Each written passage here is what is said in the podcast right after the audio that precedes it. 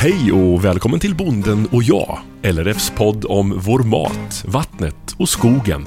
Kort sagt ämnen som berör oss alla.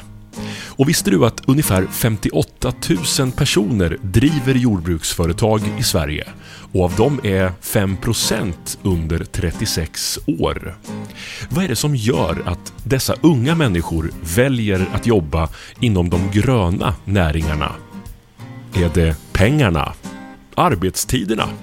Eller kanske något helt annat?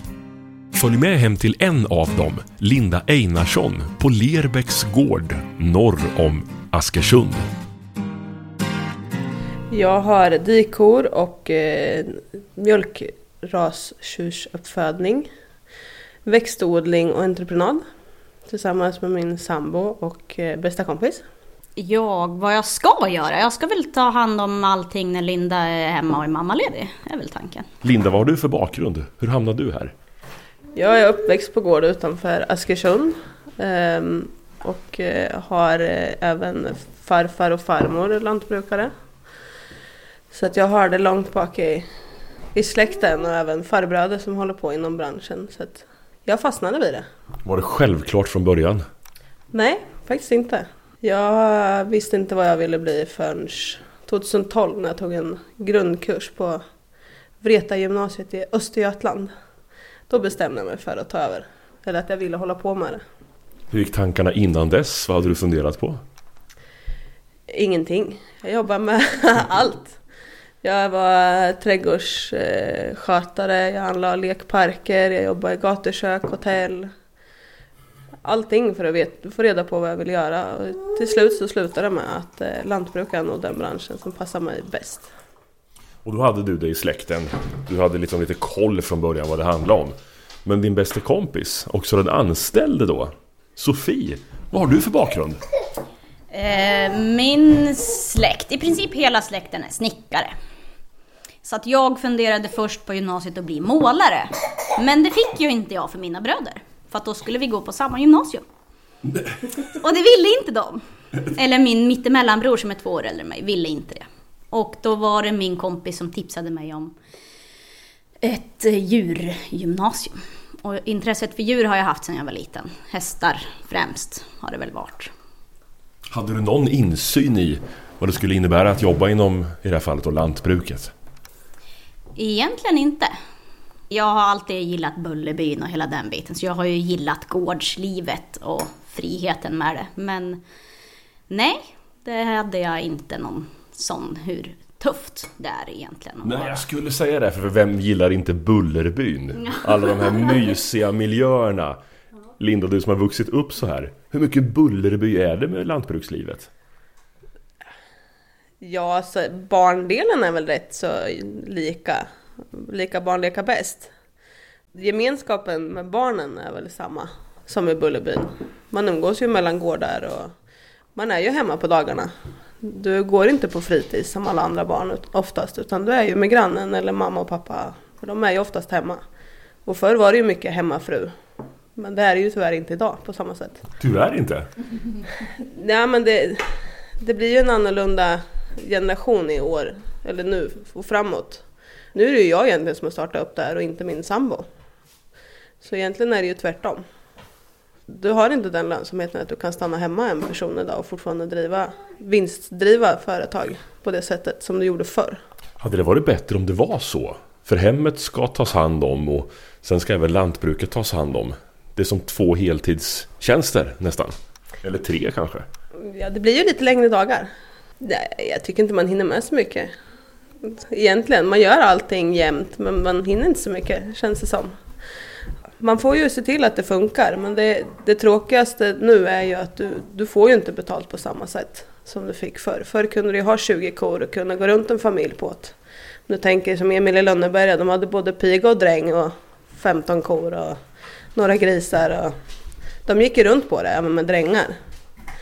Och idag har vi runt en 140 djur och 200 hektar och entreprenadverksamhet i halva länet känns det som. Och vi har en anställd. Och det, ja, det går ju men det är inte mycket mer. Då kommer vi direkt in på ekonomin. Det är ju den som avgör, eller hur? Sofie, vad tänkte du då när du valde den här branschen? Och ekonomin? Det som förvånar mig mest är att det är ändå så pass dåligt betalt. För allt man gör. Man jobbar hårt morgon till kväll, långa dagar. Man har mycket ansvar oftast. Eh, vilket gör att man tycker att de här som sitter och vänder papper som tar hem en 250 spänn i timmen. Det är liksom där en annans lön borde ligga för det man gör. Men det är ju inte så. Men någonstans konstigt nog så är det ändå värt det. På något sätt. När slog det dig att det inte var så bra betalt? När upptäckte du det? det roligaste är att jag upptäckte, upptäckte faktiskt det när eh, jag var anställd en kort sväng på kommun som personlig assistent. Utan erfarenhet. Och hade bättre betalt där än vad jag hade som anställd efter ett par år i den här branschen. Fortfarande så är det ju kärleken till djuren som gör det, att det blir värt det. Och att man har de här lite mer fria dagar. Det är oftast inte lika låst att man måste göra saker på ett visst sätt eller på en viss tid eller så. Utan behöver jag åka iväg en sväng för att göra någonting så gör man det. Liksom. Och det är väl det som någonstans gör det lite mer värt det. Vad har man i lön när man är 30 år och jobbar inom lantbruket? Kanske jättekänsligt att prata om, men ungefär sådär. Alltså det beror ju lite på. För att om man ska se det så sett så beror det ju mycket på vilken gård du är på. För jag har ju utbildning för att kunna driva en gård själv. Och har ju, kan jobba som förman och sådana saker. Men för att du ska få lön för att jobba som förman så behöver du ha folk under dig. Och nu är jag ensam anställd här så jag driver ju inte någon annan. Liksom. Eh, och då får man ju gärna gå ner i lön. Och sen är det ju här lite mer specialfall eftersom vi är bästa vänner också. Så att då blir det ju lite andra så sett. Men på mitt förra, vad hade jag där? Då hade jag väl 145 tror jag i timmen och det är över medel vad jag har sett på Facebook. typ. Vad blir det på en månad då? Ja, ja, lite över 30 någonstans innan skatt. Är det jobbigt att prata om sådär kompis och anställd? Hur går det att kombinera det? Jag vet inte, vi har haft ihjäl varandra nästan en gång på tio år känns det som. Det var när vi inte hade sovit på två dygn och satt i Tyskland och var vilse i en bil. Då höll vi på att strypa varandra men eh, hittills har vi kunnat vara tillräckligt öppna och faktiskt kunna komma överens. Förutom den gången för då var det nog tröttheten som slog över. Så att, eh, Och att vi inte hade något internet och ingen GPS som vi inte hittade någonstans. Ja, det har vi ju här i alla fall. Men hur är läget att vara arbetsgivare till sin bästa kompis? Och ha bästa kompisen som chef blir det ju. Det vet vi inte än, riktigt. Men vi har ju jobbat ihop ganska länge på fritiden. Eller vad man ska kalla det för. Så att vi har ju redan haft en arbetsrelation fast att nu är det egentligen på papper. det är ungefär som att ha din sambo som anställd. Det är ungefär lika roligt fram på kvällen om det har gått åt helvete på dagen kan jag säga. Så att det, alltså det, det enda som är viktigast är ju liksom att man kan vara öppen och man kan prata om det. Alltså är det någonting som är fel så måste man ju ta upp det. Det kan man ju inte gå och liksom grubbla på hur länge som helst. Vi har ju haft vår svårigheter, jag och sambon, att börja. Han började ju som anställd och nu är vi delägare i gården. Det är nog visst, men man måste ju ha en öppen relation och sen försöka lösa det vart efter problemen kommer. Vad var det ni stötte på för problem i början där? Vad kan man lära sig av er? Ja, alltså, jag är väl mer av en perfektionist och Jonas är väl ungefär raka motsatsen. det brast det väl först. Eh, han tar sina saker och så lägger han den där han sist var och jag vill lägga tillbaka dem så man hittar dem nästa gång man behöver dem. Så att, eh, kommunikationssvårigheter har ju funnits längs vägen men eh, vi har väl fått ge och ta lite grann på både och. Att man får väl acceptera ibland men sen får han ju... Och det blir ju svårare ju mer anställda man blir att sakerna måste ju tillbaka. Så att jag tror Jonas har blivit lite mer ordningsam och jag har väl blivit lite mer slarvig. Nu är inte han här och kan försvara sig ska vi säga. Men är det viktigt att ha någon som bestämmer eller bygger ni det här på en, på en kompisrelation? Alltså det, alla har olika erfarenhet och det är väl största grejen är väl att den här generationen jämfört med den förra är väl mer öppen för varann. Eh, man märker ju det på den äldre generationen i familjen att det, ibland är det bra att kunna klara sig själv. Men i vår generation är det nog mer handlar om att fråga om hjälp. Att alla har ju olika erfarenheter. Som Jonas har jobbat i skogen, jag har ingen aning om skog. Så att det, man måste ju kunna våga fråga varann. Och det är då man kommer som längst. Och det gjorde man inte förr menar du då? Du har ju vuxit upp med lantbruket i generationer i familjen. Ser du en skillnad där? Jo, man kanske frågar om hjälp så, men det är ju mycket. Man ska klara sig själv, man ska ha allting själv och det är, det är en annan tid, eller vad ska man säga? Det är svårt att förklara, men det känns som att dagens yngre fråga, vill samarbeta bättre över gränserna. Man eh, hjälps åt på ett annat sätt med både maskiner och erfarenheter. Och jag tror vi pratar öppnare om vad vi kan. Kanske lite mer stolta över att vi faktiskt har gjort någonting än de förra som går och knyter näven i fickan och tycker allting är jättedåligt eller går och berömmer sig själv i tystnad. Är det här någonting du Sofie känner igen? Du har kommit in från snickarbranschen in i det här jobbet. Att det är en hjälpsam generation. Men ifall du möter lite äldre, finns det en skillnad där? Det gör det absolut. Många äldre generationer är ju som man idag kallar lite gårdstomtar. De kan allt. Lite om allt. Och dagens generationer är mer att, alltså som i Jonas fall som är skitduktig på, på skog. Linda är mer lantbruk, alltså, alltså mark. Och jag är mer djur. Så att vi nyttjar ju egentligen våra styrk, styrkor tillsammans. Och gör jag menar, Linda kunde ringa mig förut och fråga vad jag gör med den här kossan, vad jag gör med den här. Och så får jag säga, och sen kan jag ringa henne, du varför är det ogräs på den där åkern? Och så får hon förklara varför det är ogräs där. Så att vi nyttjar ju mer istället för att man ska kunna allt. Jag har ju faktiskt ett exempel när jag började här. Jag hade aldrig dragit ut en kalv själv i hela mitt liv. Så att eh, jag ringde Sofie, så jag hade mina kära peltor på mig med Sofie i andra änden. Och hon sa, har du sett några kedjor av något slag? Ja, jag har sett några ligger någonstans. Ja, ta dem! Sen gör du så, och sen gör du så. Och sen guidade hon mig genom en förlösning av en kalv för första gången. Och du hade Sofie i lurarna? Ja, i peltor. Hon guidade mig över telefon hur jag skulle göra. Så jag berättade situationen och vi löste den tillsammans, även på håll.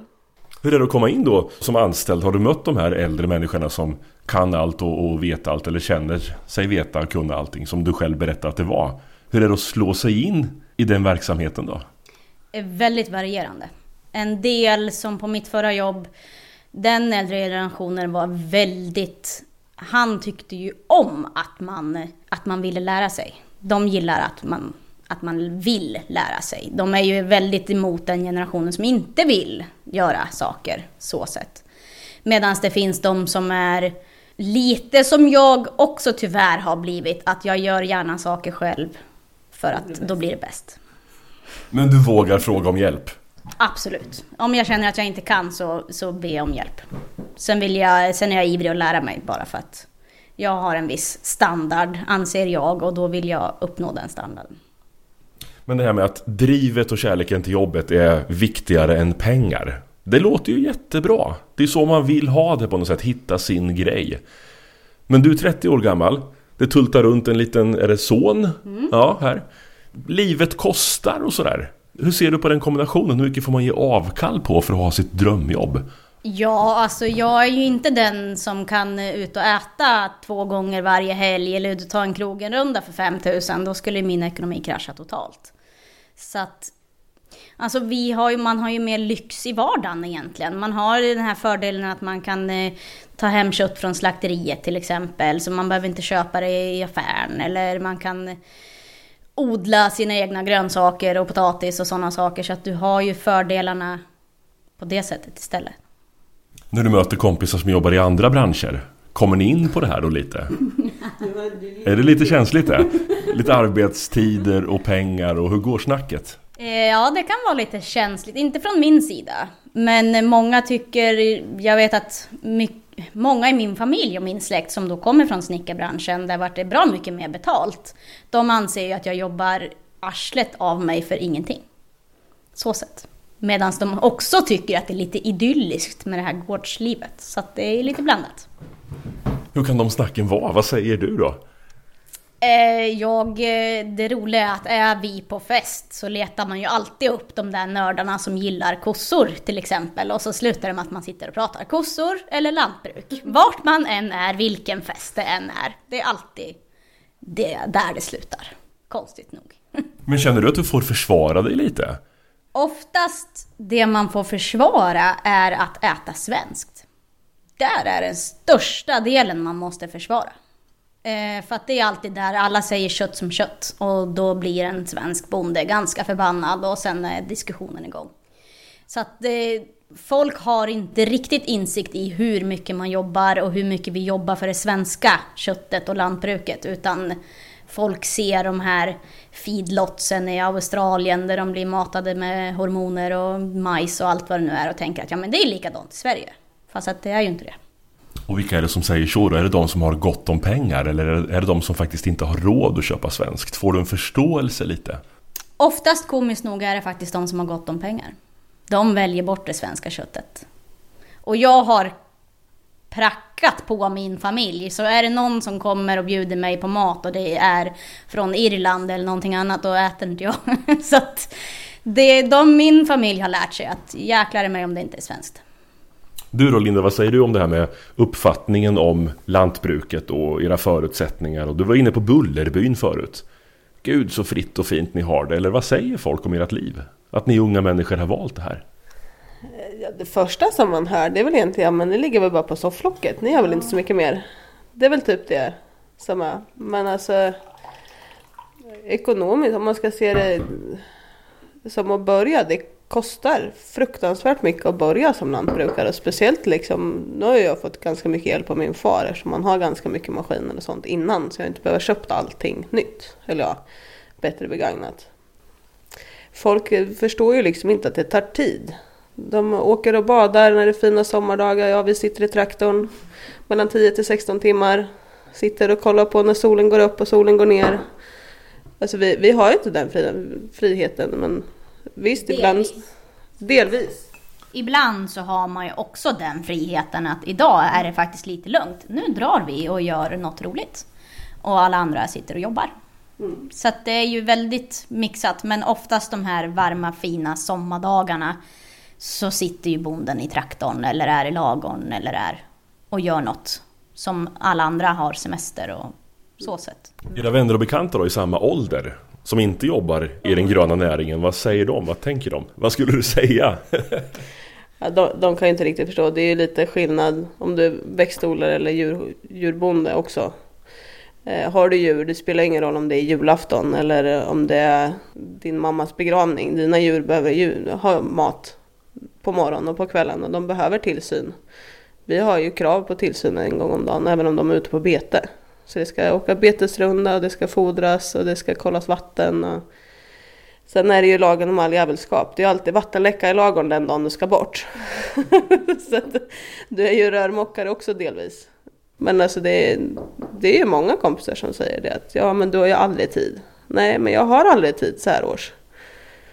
Jag har tid ibland och då kan det ju vara mer prioriterat att faktiskt få vila eftersom du har haft längre dagar. Men hur känns det att leva ett sånt liv då? Om kompisarna vill eh, göra någonting eller sådär men ni har aldrig tid? Ibland känns det ju tråkigt. Men eh, sen är det ju det att vi, fördelen som vi har även om man har barn eller kompisar. Så det, kommer de hit har man ju alltid tid för en fika. Sen att du får jobba en halvtimme längre på kvällen det är en annan sak. Men det ser ju inte de. Men du kan ju ta dig tid. Det är uppoffringar ändå, mitt i den här idyllen. Ja, du offrar ju alltid någonting. Man offrar ju kanske fritiden för att få bo så här, för att ha djuren och få, få den kärleken från djuren. För det är ju inte som många tror att det bara är produktionsdjur utan många gånger så är det ju faktiskt även vänner. Som är både psykologer och jag vet inte, kompisar och diverse. Så att de ger ju mycket tillbaka också. Det är inte bara att och gå dit och mata dem. Utan man är ju där och sen kan det ju råka försvinna två timmar för att man går och pysslar med någonting. Alltså det som eh, komiskt nog har blivit är att de vänner man har, som man har en tajtast relation med, de är oftast lantbrukare själva, eller i den branschen.